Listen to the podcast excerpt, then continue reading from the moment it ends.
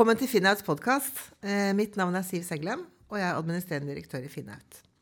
I dag skal vi snakke om hvordan personkunder, eller forbrukere, kjøper finansielle tjenester. Og det er altså eh, lån, forsikringer eller spareprodukter. Snakker de med en rådgiver før de kjøper? Eh, ordner de seg helt digitalt, eller gjør de begge deler? Altså snakke med noen, og så eh, søke på nettet, eller omvendt. Eh, og hvis de ber om råd, er de da fornøyde med den rådgivningen de får? Det lurer vi på. Og det er også noen funn i dette her som vi faktisk stusser litt på. Så dette blir en liten sånn stusse på-podkast. Det kan se ut som om kundenes bruk av digitale kjøp har stoppet litt opp. Um, vi skal komme tilbake til tallene, men vi lurer på hva som kan ha skjedd. Så mer om dette, altså. Og eh, med oss til å stusse i denne podkasten, så har vi invitert Lars Erik Fjørtoft. Han er eh, partner i PwC Norway. Og jeg vil påstå at du kjenner denne bransjen vår ut og inn. Det får stå for min regning, men det mener i hvert fall jeg, da. Ehm, vi hadde et møte i vår rett før sommeren, og da presenterte vi tallene fra forbruker- og finanstrender. Da hadde vi også med din kollega Daniel Nesse i eh, Bergen. Og så spurte vi hva dere tenkte. Og det var så interessant diskusjon at noe av det må vi eh, få fram i podkasten. Så Hjertelig velkommen til deg. Takk skal du ha, Siv. Eh, det var veldig fint å være tilbake igjen i Hanstens gate 2. Eh, jeg har jo jobba her tidligere, så det er alltid gøy å komme tilbake igjen inn i lokalene. Og sånt nå. Eh, og det var et veldig interessant møte vi hadde. Så Daniel, jeg syns det var veldig bra å kunne sitte og spekulere litt og, og, tenke litt rundt ja, hva kan disse tallene egentlig bety, og hva som ligger under. da. Så Vi jobber jo mm. veldig mye med finansnæringa eh, i, PwC, og jeg sitter jo veldig tett på mange av aktørene her. Eh, og det er, det, er liksom, det er spennende å se. Én ting er hvordan det var i 2022, men hvordan blir det i 2023? Hva skjer i 2024 da, i forhold til den uh, teknologiske utviklinga? Så mm. spennende. Ja, hvordan blir det? Altså, la oss gå rett eh, litt på tallene som uh, gjorde at vi ble interessert her. Først, altså Forbruker- og finanstrender. Det omfatter Sist år så var det 2341 intervjuer. og Det er Kantar som gjennomfører det. Og det er blant befolkningen som er 18 år pluss. Og det er altså en internettpanelet eh, i Kantar som gjør dette her. Vi har holdt på med dette her i mange år eh, og fulgt utviklingen. Eh, og det er et eller annet som har skjedd nå siste året som vi, ja, som vi skal komme tilbake til. Men før det så vil jeg si at stort sett så var det små endringer. Eh, og vi var spesielt glade for at 96 eh, av de vi spurte, altså de vi spør her, da, bare for å ha sagt det, det er kunder som har kjøpt et produkt innenfor da eh, sparing, forsikring eller lån. Fordi vi vil jo gjerne ha eh, tall basert på fakta og ikke synsing. Så de har hatt en opplevelse, og de får stilt en god del spørsmål da om kanal, om hvor fornøyd de var, om god skikk følges og, og, og, sånne ting. Men i hvert fall 96% av kundene sier at eh, de er usedvanlig fornøyd, svært fornøyd eller fornøyd med rådene de har fått. Og da ble jo vi kjempeglade. Og vi tenkte at yeah, det hold, og det har holdt seg på det nivået lenge. Så på vegne av de kundene, eh, og på de rådgiverne ikke minst, som altså møter kundene i kundesituasjon, så blir vi veldig sånn stolte og glade, og vi vil i hvert fall dele det i denne podkasten òg. Vi, vi, heier på dere. altså Vi syns dere gjør en kjempejobb, og det er dere som faktisk er eh, så Dette blir jo på en måte en sluttbrukerundersøkelse. Så det er jo dere som faktisk gjør sånn at kundene får den opplevelsen de får. Eh, men så, eh, det er også flere som sier nå siste året at de har fått råd eh, enn tidligere. Og så har vi gått litt bakenfor og tenkt hvem er det som nå vil ha råd, som ikke ba om Eller hvor har økningen vært? Og det er flere kvinner som ber om råd. Det er flere unge som ber om råd, aldersgruppen 30-40. Og det er flere av de som har litt lavere inntekt, altså 300 000-400 000 er det definert til. Så um, det, uh, det lurer vi på. Så vi skal se på, For det første skal vi se på overgangen fra eh, det å snakke med mennesker til digitale tjenester. Og så lurer vi på om robotene er gode nok, faktisk. Og så lurer vi på fremtidens rådgivning. Hvordan ser den ut? Og hvem er det vi har tillit til? Så eh, innledningsvis så eh, sa jeg at det funnet vi stusser mest på dette med bruk av kanaler. Og der er det sånn at eh, i snitt Vi spør jo har du kjøpt dette produktet ditt da, eh, bare ved hjelp av nettet. Har du snakket med en medarbeider, eller har du gjort begge deler, altså litt hybrid? Og hvert år så har den andelen som har betjent seg heldigitalt, økt med 4-5 prosentandeler. Eh, og i, for 2021 så var den på 45% og vi trodde at nå kom vi til å tippe 50% Altså nå er det like før halvparten bare betjener seg digitalt. Men det som skjedde, var at det falt til 44. Ikke mye, men det har stoppet opp og falt lite grann. Uh, og det syns vi er litt underlig. Um, vi må jo også si det at dette er et snitt, sånn at det er litt forskjell mellom produktene. Uh, de som kjøper boliglån, f.eks., der er det bare 13% som betjener seg heldigitalt. Og det er kanskje ikke så rart. Mens vi kjøper fond, sparing, så er det 80% som betjener seg heldigitalt. Og på forsikringer så er det nesten sånn 50-50 på om du snakker med en medarbeider eller betjener deg heldigitalt. Der trodde vi kanskje også at flere skulle betjene seg digitalt. Så dette er liksom tallene, da. Og så kan vi begynne å kna litt. Og stusse litt. Så hva er det du stusser på, Lars Erik? Neida, jeg også syns det der er eh, veldig interessant. Man skulle jo trodd at liksom, nå går det digitalt, og det er den veien som eh, man skal utvikle seg. Og, eh, og så når det ikke utvikler seg sånn, så er det fort gjort å tenke er det noe gærent med de digitale løsningene. Har de ikke utvikla seg videre? Eh, eller er det befolkninga som er metta, eller hvordan er det der? da? Eh, en ting som jeg har tenkt mye på, som vi har snakka om også, som vi snakka om i møtet, det er jo det er litt annerledes økonomiske tilstander som er i eh, Norge eh, nå. Eh, eller da undersøkelsen ble gjort da, i Eh, dette her er jo 2022-tall eh, eh, enn det det har vært tidligere. Det er litt mer uoversiktlig hvordan økonomien skal utvikle seg. og, og sånn, Så det kan godt hende at folk liker å ha en kontakt med, med mennesker for å få råd underveis. Og så har det jo også vært en ja, en slags slitasje i forhold til hvordan man forholder seg til eh, roboter i forhold til råd. Veldig ofte så er det jo de litt mer avanserte brukerne. De har en sånn, eh, de ønsker å komme seg forbi chatboten for å komme inn til å snakke med et menneske. For hvis de er avanserte, så har de liksom allerede forberedt seg eh, godt i det de skal kjøpe det. Eh, men jeg tror først og fremst liksom at det er skal dette løses mer teknisk, eh, med at løsningene blir enda bedre? Kanskje. Eh, eller er det litt at når man får bedre oversikt over hvordan økonomien kommer til å utvikle seg i, i Norge, Europa og verden, og påvirkning av krig og inflasjon og økte strømpriser og rentebaner, sånn at, at, man da vil gå mer tilbake igjen på Eller at man da vil se den 50 %-knekken, da. Mm. Ja, for jeg ser jo, altså det er jo Tidene nå er jo veldig spesielle. Og uh, det har blitt kalt for av bl.a. forskningen til Poppe og Oslo Met for dyrtid 3. Ja, dyrtid 3. Ja. Den første var vel uh, under krigen. Uh, ikke den krigen vi har nå. Og så var det på 90-tallet, og nå er vi på dyrtid 3. Mm. Det er klart at det vil vel kanskje være en del av befolkningen Vi snakket om kvinner og unge, men som nå har kommet i en situasjon de ikke har vært i før. Så alt har jo gått fint. Mm. Det har jo det har jo gått oppover og oppover. Det eneste som har vært lavt, har vært renta. Og så ja. har jo lønnen gått oppover. Og så plutselig kommer vi i en situasjon hvor man får mindre og mindre å rutte med. Ja, vi ser jo det på Vi er jo en stor arbeidsgiver, og vi tar jo inn veldig mange unge. Eh, også inn til PwC. da. Og ser den der, den opplevelsen nå hvor alt blir mye dyrere, og, og det er en annerledes eh, lønnsutvikling og sånt enn det det har vært tidligere. Da. Det, det er en... Mm det er, det er, veldig lite organisasjonslæring som ligger til grunn bakover i tid på det der. For det har vært ti mm. år som bare har vært veldig pil opp. Eh, ikke sant? Altså, eh, kanskje enda lenger opp. To, siden 2008-2009 så har det vært piler opp. Så, så, så, jeg tror nok eh, den usikkerheten som mange føler på, den, den er vi lite vant til å, å håndtere. Mm. Eh, og dette gjelder jo også nå for folk som sitter i med høy utdannelse og, og, i gode jobber, da, i hermetegn, mm. de, de, også blir utsatt for en usikkerhet nå som er annerledes.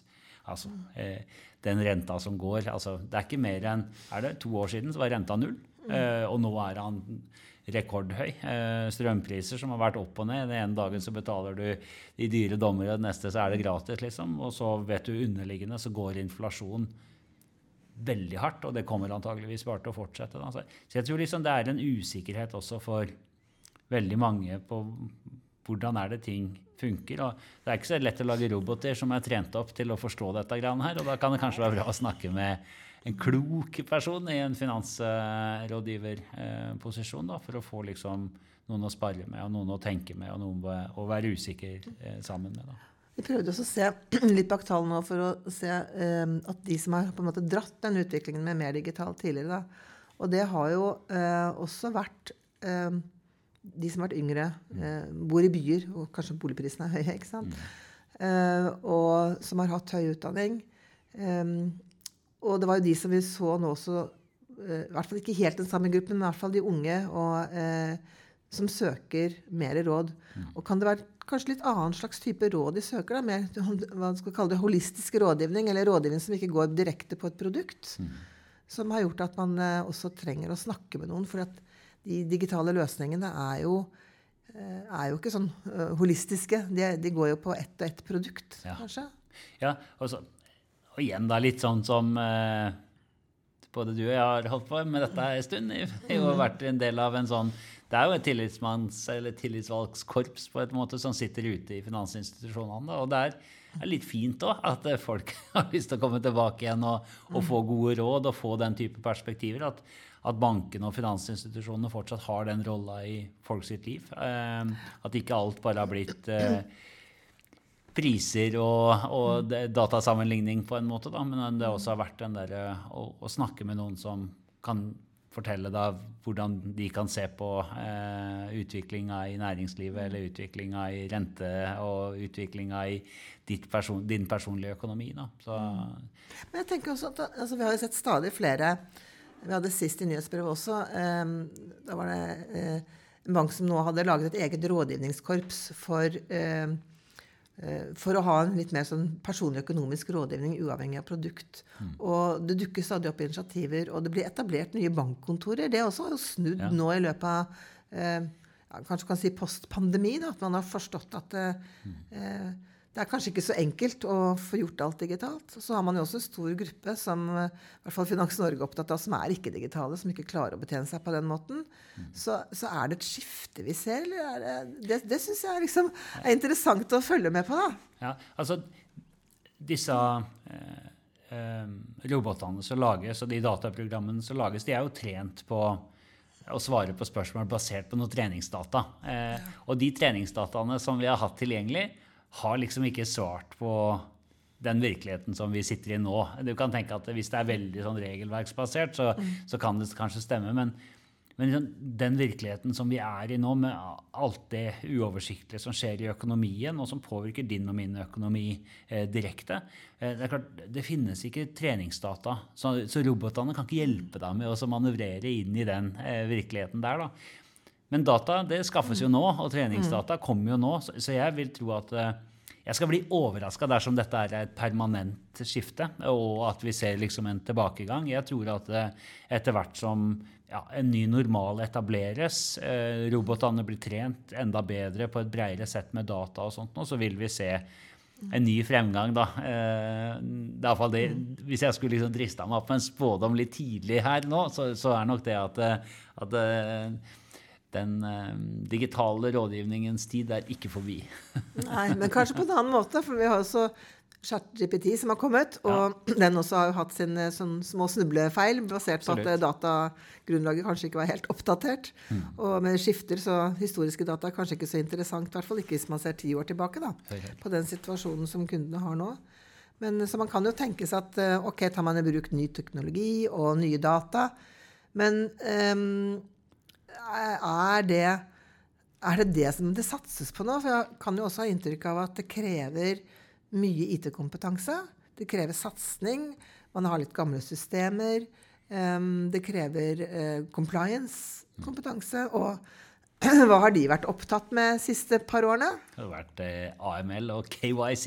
Ja, ikke liksom sant? vært, eh, nei, men synes, det der syns jeg er et kjempeinteressant spørsmål. Altså, mm. eh, har man eh, prioritert eh, compliance eh, på bekostning av gode kundeopplevelser eller mer effektiv kundehåndtering. Eh, eh, vi vet i hvert fall at det har vært brukt veldig mye penger og ressurser og tankekraft og, og, og sånt fra eh, bankene og forsikringsselskapene på å sikre samsvar med regelverk. Det vet vi. Men igjen, da, jeg tror ja, Og så har det vel ikke vært altfor mange nisjeaktører heller. Og vi er jo et lite marked, så det er liksom vanskelig å etablere seg med, med, med nisjeprodukter. Men, ja, men det, nå, ja. For det, nå kom jeg på noe som vi snakket om i siste ja. møte også. Var, mange har jo vært redd for altså Hvis man ser noen år tilbake i tid, så tenker man at ok, rådgiverkorpset blir halvert. Ja. Eh, de utenlandske store aktørene kommer inn og liksom sluker Norge med sine, sine apper. Mm. Eller hva som helst. Og da, da, sa du at det er kanskje ikke så interessant Norge er kanskje ikke så interessant for noen av de? Nei, jeg, jeg, Det er så skuffende ikke sant? Altså, at Norge ikke er verdens mest interessante marked i absolutt alle sammenhenger. Men vi er bitte liten. Eh, og skal du liksom satse på et massemarked som skalerer opp, så da er ikke Norge et så godt marked også, eh, å gå i. Sånn er det, liksom. Eh, og det er liksom hvilke type Altså Hvis du skal tenke på igjen da, eh, automatisert rådgivning og gode løsninger Det må være trent. Jo mer komplekse mm. spørsmål man skal svare på, jo bedre trent må de være, de modellene. Og Norge, det er noe spesielt med norsk økonomi. Eh, det er noe spesielt i forhold til hvordan Norge funker. Vi er ikke en del av euroen, og vi er ikke en del av EU, og vi er oljestyrt eller olje- og gassstyrt og sånt. Så, så det der å få de dataene for å trene opp sånn at vi kan digitalisere mer i Norge eh, i den type litt mer avanserte rådgivninga som kanskje folk er på jakt etter nå når det er uoversiktlige tider. Da. Eh, det er kostnads- og ressurskrevende. Eh, og jeg vil jo tro at eh, chat, GPT, hvem er det som trener de robotene? Hvem er det som trener de algoritmene? Altså, de trenes jo ikke på, knapt nok på europeiske forhold, ikke sant? iallfall ikke på norske forhold. Så der er det liksom inni dette at utbredelsen her og, og sånt noe, det ja, jeg tror det der kan la vente på seg litt pga. Eh, at Norge også er et lite marked, da, som vi snakka om sist. Da. Ja, så er det, det, er noe annet spesielt med Norge også. og det, det er jo som man har snakket om mange ganger, at vi er et veldig tillitsbasert samfunn. Mm -hmm. altså når, når, vi kan si at 96% er svært, eller helt opp til usedvanlig fornøyd med rådgivningen av de som har søkt råd. Og eh, vi har jo også, vi samarbeider med eh, en gruppe på tvers mellom eh, Baltikum og eh, Sverige, Finland, eh, Danmark. Og de er jo overrasket over de tallene. Og selv i, selv i, Skandinavia så har vi jo mye tillit, men i Norge så ligger vi liksom på topp rundt dette her. Mm. Så, og det betyr jo det at vi eh, kan jo være heldigere stilt i forhold til at man søker råd hos, hos et menneske. Jeg husker også at Da S-banken kom med sin rådgivningsrobot, så var det i utgangspunktet for å effektivisere også. Um, og dette her er jo noe de har gått ut med i artikler, så det er jo en kjent sak. Men det som skjedde, var at de måtte øke rådgiverkorpset sitt. Fordi at veldig mange brukte en robot, og så kom de opp på et høyere kunnskapsnivå, og så ble terskelen for å snakke med noen mye lavere. Mm. Det er jo eh, for så vidt ikke så helt nytt nå, men det er allikevel litt gyldig i forhold til det med, med, tilliten, og det at det kan være lett, lett å ta kontakt. Ja. Og så det vi ønsket med denne utbredelsen av digitale løsninger, det var jo å kunne bringe disse gode rådene ut til alle i Norge som bor på hvert nes. da, Og ha kvalitet i den rådgivningen. Men det krever jo også at man har tillit til eh, den digitale løsningen. Og der har det vært litt sånn på digitale løsninger generelt, kanskje. Ikke spesielt på bankene eller forsikringsselskapenes løsninger. Ja, det har jo vært ekstremt høyt på agendaen eh, her i Finans Norge, dette med digital svindel og, og den type forsøk. Altså det, det, er klart, eh, det der er jo en kamp som man står i hele tida. Eh, ja, hvorfor er det man får disse Man kalte det for Olga-svindlene. på en måte. Det er, det er jo pga. at man har styrt flere over på digitale løsninger, selvbetjent og, og sånt. Og blir du lurt da med, på forskjellige måter, så vil du bli mer sårbar. da. Eh, så jeg tror den, der, den kampen om tillit, eh, det er en konstant kamp som finansinstitusjonene må stå i og skal stå i. Enn så lenge, og eh, gledelig nok, så, så scorer man jo ekstremt høyt eh, på, på, tilliten. Eh, og også da godkjenningsmerket deres, eh, som man på en måte vektlegger inn i dette her. Da, at man sier ok, hvis den er, hvis den er autorisert, så, så, er det, da kan vi vektlegge det, eller da kan vi gi det mer tillit enn hvis det ikke er autorisert. Da. Så, så jeg, tror, jeg, tror, tillitssamfunnet eh, vårt i, i, Norden og i Norge, det kommer til å stå en veldig hard prøve nå fremover. For det, det er flere og flere løsninger som kommer inn som er lettere å skape falske nyheter og falske data. Mm. Man kan høre om digitale svindelforsøk. Du har sikkert sett Telenor-reklamen som går nå, hvor du kan ha eh, forfalske stemmer og alt mulig ikke sant, inni dette her. Så jeg tror at den, den tilliten eh, Det der er en kamp som kommer til å være mye vanskeligere å ligge i forkant på eh, fremover. Da. Mm. Og det vil kunne påvirke iallfall bruk av visse typer digitale eh, tjenester. Eh, men, men dette her er, jo, det her er jo tjenester som si, eh, påvirker folks eh, økonomi, liv og forsikringer, helse. ikke sant? Mm. Så eh, jeg så også, så vi, måler jo også, vi spør om tillit generelt da, til robotrådgivere og chatboter. Og den har jo økt, men er fremdeles lav og ikke på langt nær på samme nivå som til mennesker enda. Men vi håper jo også at den skal øke. Og i den forbindelse så spurte vi oss om det med ok, hvis du så et autorisasjonsmerke, ville det være med på å øke tilliten ytterligere? Og 41 sa at ja, det, det vil det. Um, men det er uh, Altså, det du må sortere, det må velge når du har uh, stilige, interessante, kule, fine, tillitvekkende apper, så, så, har vel i utgangspunktet også finansnæringen Hvis du kommer fra en i finansnæringen, så vil man jo ha en, en tillitsbase allerede. Uh. ja, så nå kommer jeg fra PwC. Ja. Eh, vi har eh, levert eh, den type stempler i eh, over 100 år. ikke sant? Mm. Eh, og vi tror jo veldig mye på at eh, vi kan spille en rolle, vi også, i forhold til å gjøre tilliten til digital informasjon høyere. Og så tror jeg det at selvreguleringsordninga som man har laga til, med, som, som, dere sitter midt oppi, det, det er en forpliktelse som er helt annerledes enn en, uh, at nå har vi bare en app ute og vi ser hva som skjer. på en måte. Så, mm. Men det er klart det er jo veldig viktig at den er forankra godt i en egen organisasjon, at dere har støtte fra Finanstilsynet, og at man klarer å, å, være streng mot medlemmene. og Det blir vanskeligere og vanskeligere etter hvert som man skal eh, godkjenne mer og mer komplekse teknologiske modeller. Den, den, dere har godkjent fra eh, Skandiabanken eller S-banken, den var jo ikke det, det, kommer til å være mer komplekse modeller som skal godkjennes fremover. Da. Og det er klart, eh, det der å ta det ansvaret skikkelig på alvor og fortsette på en måte å bygge troverdighet som næring, og bygge opp under da det, eh, det er en sånn autorisasjonsordning og sånt, det tror jeg er kjempeviktig. Mm. Og jeg tror at forbrukerne kommer til å bli mer og mer obs på svindel, svindelforsøk, lureri. De kommer til å høre mer og mer om dårlige råd, eller at de blir eh, ført ut i, i, i situasjoner som de ikke ønsker. Og det å se da at det her er det et stempel hvor næringa stiller seg bak, og det har et ansikt som noen har forplikta seg på, jeg tror det kommer til å, få, å være kritisk for at man skal lykkes eh, fremover. Og så er det sikkert masse produkter som er sånn easy-peasy, eller du kan tjene masse penger på. Mange putta penger inn på lugubre børser hvor de handla bitcoins og sånt noe tidligere.